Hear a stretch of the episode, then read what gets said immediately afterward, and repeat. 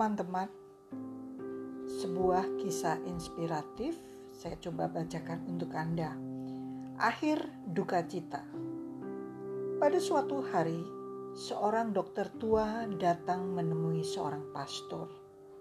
Dia datang untuk memohon nasihat.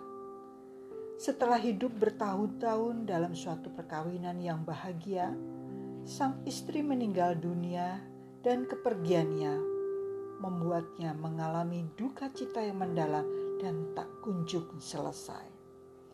Pastor, mengapa harus istri saya dulu yang meninggal dunia?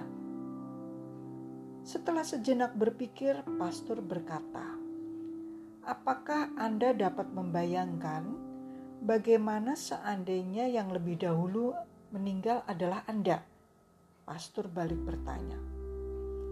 Saya membayangkan istri saya pasti menderita dan bisa putus asa. Pastor tersenyum. Maka pahamilah demikian.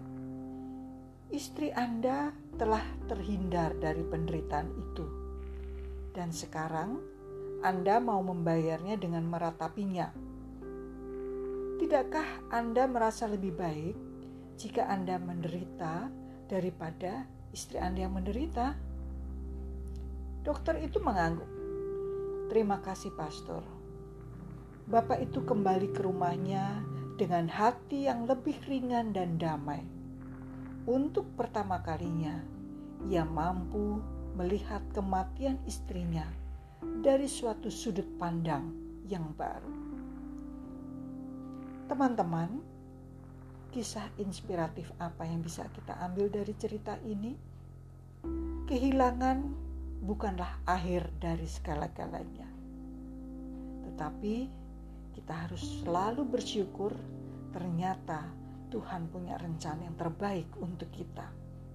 Terima kasih telah mendengarkan catatan harian Ati Magono.